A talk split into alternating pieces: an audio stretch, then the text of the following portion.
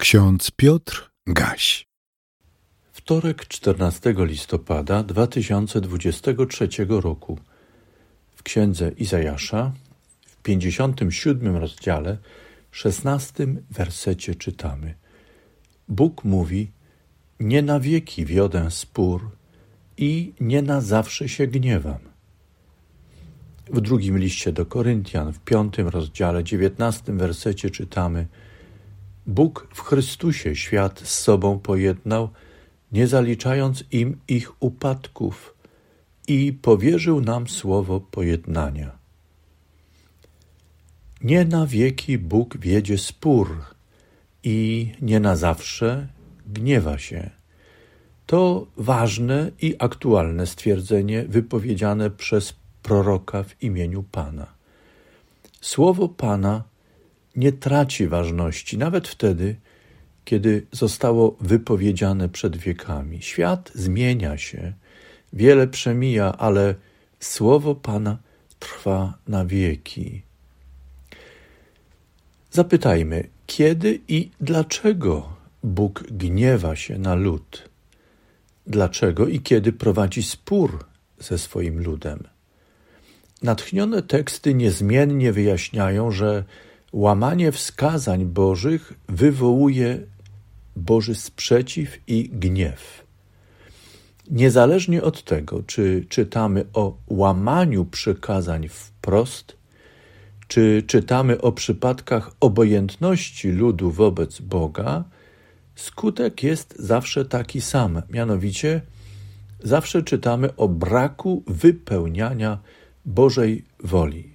Co prawda z różnych powodów, nieposłuszeństwa lub obojętności, ale zawsze jest to niewypełnianie Bożej woli. To zaś zawsze budzi Boży sprzeciw i jego gniew. Żeby było jasne, nie chodzi o obronę suwerenności i autorytetu Boga, i dlatego pojawia się jego gniew i sprzeciw. Boże wskazania należy rozumieć jako te, które wytyczają dobrą drogę i przestrzeganie Bożych wskazań jest zawsze drogą do szczęścia i błogosławieństwa człowieka. Boże wskazania zawsze bowiem mają na celu ochronę dobra człowieka. W tym miejscu powinniśmy zauważyć coś bardzo ciekawego i ważnego dla szukania odpowiedzi na postawione wcześniej pytania. Otóż Bóg w swojej cierpliwości i umiłowaniu ludu nie wylewa swojego gniewu na lud i nie wytraca łamiących jego wskazania. Nie wytraca grzeszników. Bóg najpierw wchodzi w spór z ludem opornym i nieposłusznym. Przez swoich posłańców wyjaśnia powody sprzeciwu, napominania, karcenia.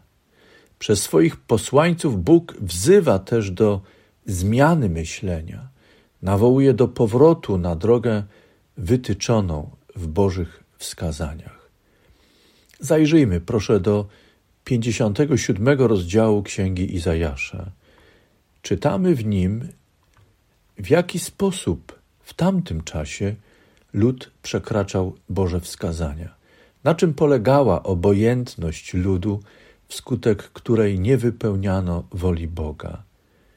W przywołanym rozdziale Księgi Izajasza znajdziemy też potwierdzenie tego, że Bóg, nie gnie, że Bóg gniewa się czasem, ale nie na zawsze. Wiedzie z ludem spór, ale nie na wieki. Zaś Cała księga Izajasza i wszystkie pisma natchnione kanonu Biblii głoszą, że Bóg nie chce śmierci grzesznika, ale chce jego nawrócenia i zbawienia. Hasło nowotestamentowe z drugiego listu do Koryntian jakże mocno i jednoznacznie potwierdza takie właśnie działanie Boga. Bóg w Chrystusie świat z sobą pojednał – nie zaliczając im ich upadków, i powierzył nam słowo pojednania. Pojednanie, którego dokonał Bóg w Chrystusie, doskonale, w pełni dowodzi i ogłasza światu, że Bóg nadal sprzeciwia się łamaniu Jego wskazań. Jednocześnie okazuje swój gniew i wchodzi w spór z nieposłusznym ludem. Przez Chrystusa daje też znak, że nie chce śmierci grzesznika, ale zbawia go dla zasług Chrystusa. Ksiądz Johann Rothe w XVIII wieku w jednej ze swoich pieśni napisał: Bóg pragnie zbawić ludzkie plemię i jego zguby nie chce on, więc syna zesłał nam na ziemię, by przed niebieski wiódł nas tron. Dlatego do serc naszych bram kołacze wciąż Zbawiciel sam. Bóg niezmiennie i stale wzywa grzesznika do opamiętania się, do zawrócenia ze złej drogi i wyznania grzechu, do porzucenia drogi bez Boga lub drogi obojętności wobec Boga i wzywa do pójścia za Chrystusem, naszym dobrym pasterzem i przewodnikiem. Amen.